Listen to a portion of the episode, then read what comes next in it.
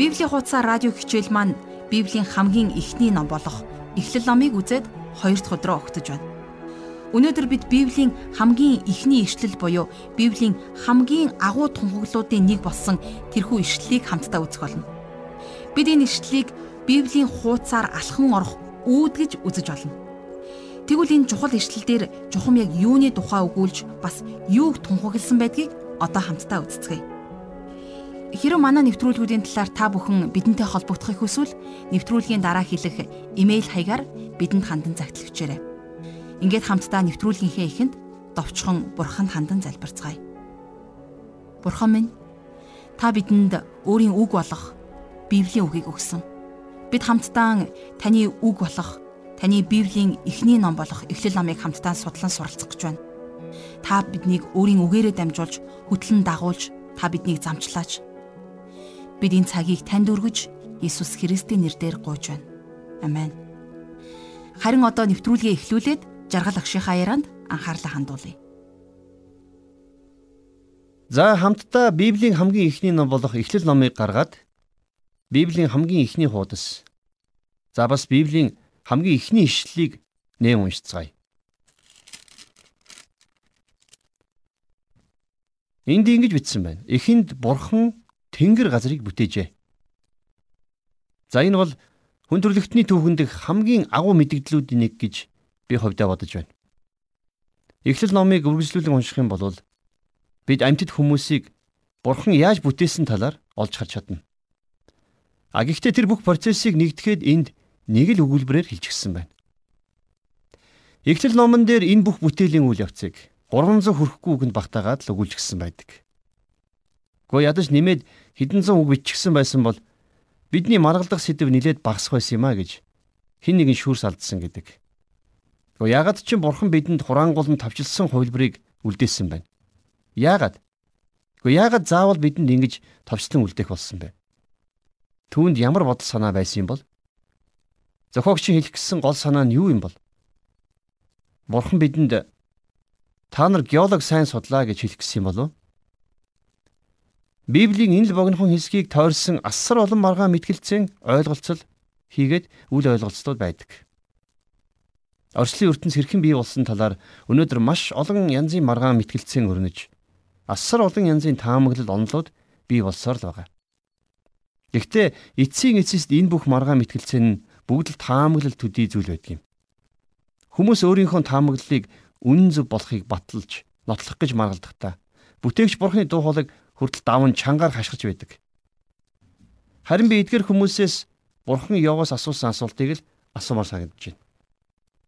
Йовын 38 дугаар бүлгийн 4 дугаар эшлэлдэр бурхан Йовоос ингэж асуусан байдаг. Би газар дэлхийн суурийг тавихад чи хаана байва? Хэрв чамд ойлголт байгаа бол надад хэлээч гэж асуусан байна. Өөрөөр хэлэх юм бол бурхан хүнээс амийг нь асууж байна. За яах вэ? Чи орчлын ертөнцийн үүслийн талаар ярьж байна. А гэхдээ намайг орчлын ертөнцийн суурийг тавьж байхад чи өөрөө хаана байснаа мэдхүү гэж. Энэ дэлхийн үүслийн талаар өнөөдөр маш олон онол яригдж байгаа ч гэсэн энэ бүхнийг ангилах юм бол ердөө л хоёр хэсэг хуваагдж байдаг. Нэг хэсэг нь бүтээлийн онол а нөгөө хэсэг нь эрдэмтдийн таамаглал. Ерөөсөө л энэ хоёр ангилалд багтана. Өнөөдөр хувьслын онол өөртөө маш олон янзын онолуудыг багтаасан байна. Хуучны болон орчин үеийн цөөнгүй олон мундаг эрдэмтэд хувьслын онолыг эсэргүүцсэн байдаг юм. Тэгэхээр бид хувьслын онолыг 2-2-ын 4 гэдэг шиг шинжлэх ухаанаар яг таг нотлогдсон бүх эрдэмтэд нэгэн дугаар хүлээн зөвшөөрдөг онол гэж ойлгож болохгүй. А гэтэл нөгөө талд нь эхлэл нэгийн нэг дээр орчлон ертөнцийг бурхан бүтээжээ гэд биччихсэн байдаг. Үүнийг итгэлээр хүлээж аваа гэдэг. Бурхан энэ тунхаглалыг итгэлээс өөрөөр хүлээж авах боломжийг энэ дэлхийд үлдээсэнгүй. Тийм ч учраас Еврей намын зохиогч итгэл бол бидний найддаг зүйлсийн бодит байдал. Харагдахгүй зүйлсийн баталгаа мөн. Учир нь урдын хүмүүс түүгээр гэрчлэлийг хүлээн авсан аж. Бурхны үгээр ертөнц бүтээгдсэн бөгөөд тийхүү харагдах зүйлс нь үзэгдэх зүйлсээс бий болгогдоогүйг бид чухам итгэлээр л а гэж бичсэн байна. Ийм л учраас бидний дунд энэ эргэлзээ одоо хүртэл харьлаагүй байсаар л байна. Яаж үл үзэгдэх зүйлсээс үзэгдэх зүйлс бий болсон байх вэ? Үүнийг та итгэлээр хүлээж авахаас өөр аргагүй. Итгэл буюу таамгаар. А гэхдээ тэр таамаг чинь шинжлэх ухаанаас их хол таамаг.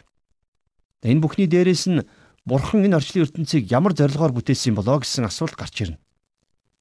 Тэгвэл Библи бидэнд энэ талаар юу гэж өгүүлж байгааг одоо хамтдаа харцгаая.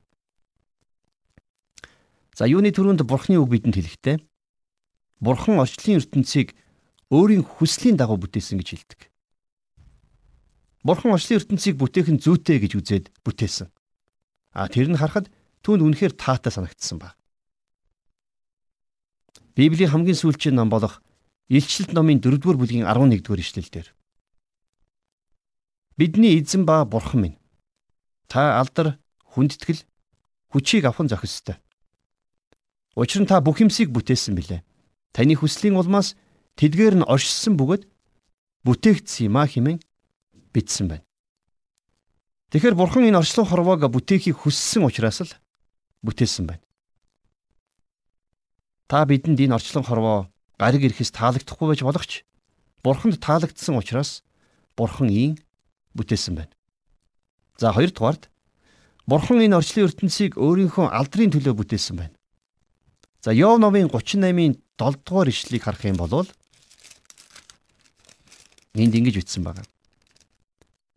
Тэгэхэд өглөөний одод хамтдаа дуулцгааж Бурхны бүх хөвгүүд баярлалдан уухайлсан гин.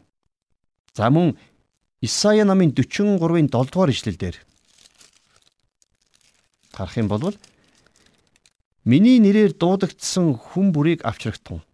Учир нь би тэднийг өөрийн алдрын төлөө бүтээж бий болгож хийсэн юм а хэмээн бурхан мэдгдсэн байна. За тэгэхээр үнэхээр энэ орчлон ертөнцийг бурхан өөрийнхөө алдрын төлөө бүтээсэн. За харин хүн төрлөختнийг бурхан бүтээхдээ тэдэнтэй ойр дотн нөхрөлийн харилцаатай байхаар бүтээсэн. Ингэхдээ бурхан хүнд өөрийн гисэн ухамсарыг өгсөн байдаг. Үнэн дээр бурхан хідэн роботыг бүтээчих болох л байсан. Бурхан хүнийг робот шиг бүтээгээд товчийн дарахад бүхийн бурханд мөрөгдөг байхаар тохируулж болох л байсан л та. А гэхдээ бурхан хүнийг ийм байлгахыг хүсээгүй.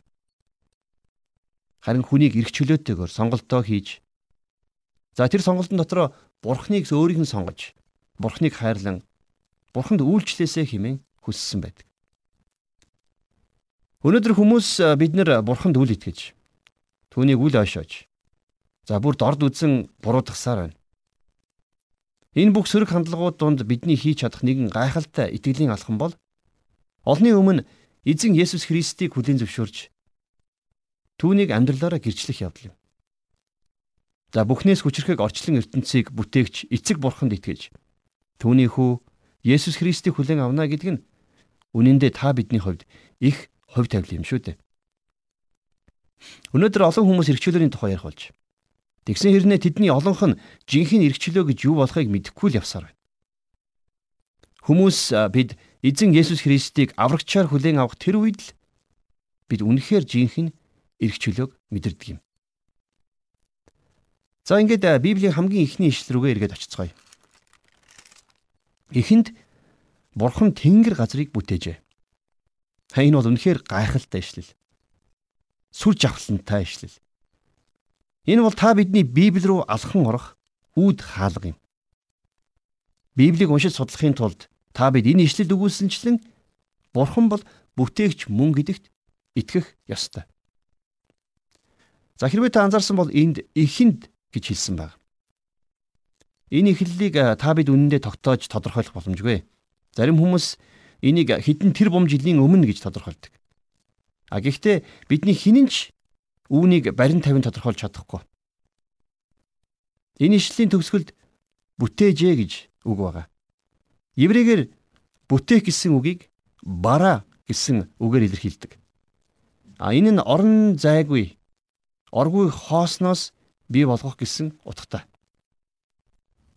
За энэ үг нь энэ бүлэг дээр нийтдээ ердөөсө 3хан удаа хэрэглэгдсэн баг. Өөрөөр хэлэх юм бол Эхлэл номын 1-р бүлэг дээр оргуу хоосноос бий болгосон гурван тохиолдол гарч байна гэсэн үг. Эхнийх нь 1-р ишлэлдэр Бурхан тэнгэр газрыг бүтээсэн тухай гарч байна. За хоёр дахь нь болохоор Эхлэл номын 21-р ишлэлдэр тэгээд Бурхан далай тэнгисийн авраг том амьтад хийгээд усаар дүүрэн үржин амьдардаг хөлхөн хөдлөгч альва амьтдыг төрөл төрлөөр нь бүтээвэ гэсэн үг байна. За гурав дахь нь тэгээд Бурхан өөрийнхөө дүр төрхөөр хүнийг бүтээж Бурхны дүр төрхөөр эрэгтэй эмэгтэй хүнийг бүтээвэ гэхэд бара химэх еврей үгийг хэрэгэлсэн байна. Эхэнд бурхан тэнгэр газрыг бүтээжээ.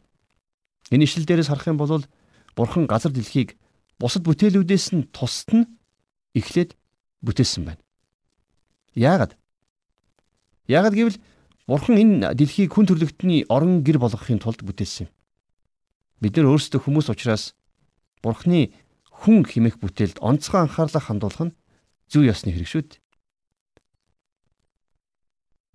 Найз минь та бид бол бурхны бүтээлүүд. Тэр чухаараа бид бүтээлүүд учраас бүтээгчийнхээ өмнө их баг ямар нэг хэмжээгээр өртөө. За Эхлэл номын 1-р бүлгийн 2-р эшлэлдэр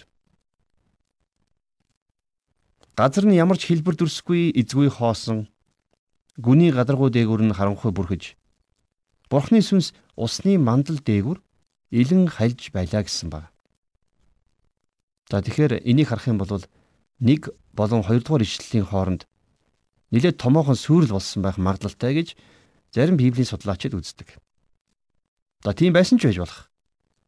А гэхдээ эхэнд бурхан тэнгэр газрыг бүтээсэн бол дараа нь тэр бүтээлд ямар нэгэн зүйл тохиолдсон учраас тэр нь хэлбэр дүрсгүй эзгүй хоосон болсон байх боломжтой.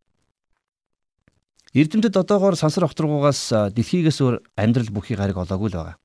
За би хувьдаа олохгүй байх гэж боддог. Тэгвэл сансар огторгууд ямар нэгэн сүрэл тохиолдсон байж болох уу? Ямар тач энд үгүйснээс харах юм бол бидний амьдрдаг дэлхийн хэлбэр дүрсгүй эзгүй хоосон байсан байна. За цааш нь харах юм бол гүний гадаргуу дээгүүр нь харанхуй бүрхэж гэж хэлсэн байсан. Энэ нь бурхан тэнд байгаагүй гэлтгэж байна хэлбэр дүрсгүй эзгүй хоосон гэж хэлсэн нь их сонирхолтой. Хэлбэр дүрсгүй гэсэн үгийг илэрхийлдэг еврей үг нь сүрсэн гэсэн утгатай үг байдаг. Харин эзгүй хоосон гэсэн үгийг илэрхийлж байгаа еврей үг нь боху гэсэн утгатай үг байдаг. Энэ нь хүндий хоосон гэсэн үг юм. Иш үзүүлэгч Исая нэгэн цагт Тэнгэрийг бүтээсэн эзэн ингэж айлдж байна. Тэр бол газрыг бий болгосон бурхан юм. Тэр газрыг хоосноор бүтээгээгүй бөгөөд Хүмүүсийг оршин суулгахын тулд бүтээсэн билээ. Би бол эзэн. Өөр байхгүй гэж бичсэн байна. За тэгэхээр энд бурхан энэ дэлхийг хоосноор бүтээгээгүй гэсэн үг байна. Энэ үг нь бидний түрүүн үзсэн тооху гэсэн үг юм. Бурхан энэ дэлхийг бүтээхдээ хэлбэр дүрсгүй, эзгүй хоосноор бүтээгээгүй юм.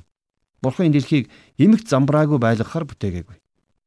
Гэтэл энэ дэлхий өнөөдөр зарим талаараа үнэхээр хэлбэр дүрсгүй, эмэгт замбраагүй, эзгүй ил хул болсон юм шиг санагдаж байна. Бурхан анх тэрхүү эмх замраагүй хэлбэр дүрсгөө байсан дэлхийг хүн төрлөختний амьдрах газар болгон цэгцэлсэн байдаг. Библийн энэ хэсгээс бид сансар огторгууд ганцхан дэлхий дээр л хүн амьдрах боломжтой болохыг харж байна. Эхлэл номын эхний хоёр ишлээс харах юм бол дэлхийн анхандаа эмх замбраагүй хэлбэр дүрсгүй. За зөөрлүүлэх юм бол бидний сайн мэдэх сар шиг хүн амьдрах ямар ч боломжгүй байсан байх. Ганцхан бурхны сүнсэл тэр бүх усны гадаргуу дээр илэн халин байж. За зарим библийн багш нар дэлхий дээр анх хүнээс өөр зүйлс амьдарч байсан бөгөөд тэдгээрээс болж дэлхийд ийм их эмх замбраагүй сүрлийн байдалтай байсан гэж үздэг юм. За Люцифер буюу сатан Тэнгэрээс хөөгдсөнтэй холбоотой ч байж болох. За би хувьдаа ийм ч байж болох юм а гэж боддог. Ямар ч тач Бурхан энэ талаар Библиэлд ямар нэгэн тодорхой мэдээлэл үлдээгээгүй. За хоёрдугаар ишлэлийг цааш нь харах юм бол Бурхны сүнс усны мандал дээгүр илэн хальж байлаа гэсэн байна. Энд илэн халих гэсэн үг байгаа биз? Энийг халахлах гэсэн үгээр тайлбарж болно. За яг л им дахиад дэгдэхэнүүдээ далавчаараа халахалдаг шиг. Бурхан тэрхүү усны мандал дээгүр илэн хальж байсан байна. Ариун сүнс энд үйлчлэлээ хийж байна. Ариун сүнсний үйл хэргийн үр дүнд дахин сэргэлт ирдэг. Ариун сүнсний үйлчлэл хийгдэх үед дандаа ийхүү сэргэлт болдог. Дахин бүтээн байгуулагддаг. Ариун сүнс бидний амьдралд ч мөн ийм адил үйлчлэлээ хийсэн юм. Бидний эзэн Есүс Иохны 3:5 дээр хэлэхдээ Үннээр үннээр би чамд хэлье. Хин ус болон сүнснээс эс төрн тэр хүн бурхны хаанчлалд орж чадахгүй хэмээн айлдж байсныг та бүхэн санаж байгаа. Энэ ус бол бурхны үг. Харин ариун сүнс бол үүний зохиогч нь. Энэ бол бидний хувьд маш чухал ойлголт. За бид нэгдүгээр ишлэл дээрээс бурхан орчлын ертөнцийг бүтээсэн талаар үзлээ. Харин хоёрдугаар ишлэл дээр дэлхий дээр байсан хямралын байдлыг дүрсэлсэн бол за үлдсэн 3-аас 31-р ишлэлдэр дэлхийг бурхан 6 өдөрт хэрхэн бүтээсэн талаар өгүүлдэг юм. Бидний удахгүй үзэх гэж байгаа тэр бүх бүтээл нь өөрөө сэргэлтийн илрэл. За би энэ нэг зүйл дээр таны анхаарлыг хандуулмаар байна.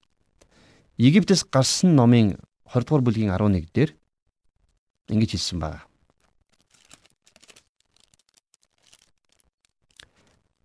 Учир нь эзэн Тэнгэр газар далай болон тэдгэрийн дотор байгч бүгдийг 6 өдөрт бүтээж 7 дахь өдөрт нь амарсан гэсэн байдаг. За тэгэхээр байна шүү дээ. Энд бий болгосон гээгүй харин бүтээсэн гэсэн үгийг хэрэгэлсэн байна.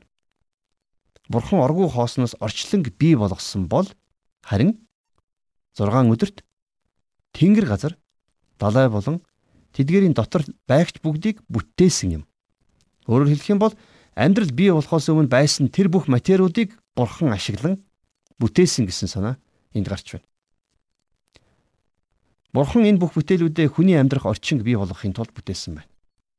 За харин та бид дараа дараачийн хичээлүүд дээр энэ хүн химэх бүтээлийн талаар илүү тодорхой төвлөрж үзэх болно.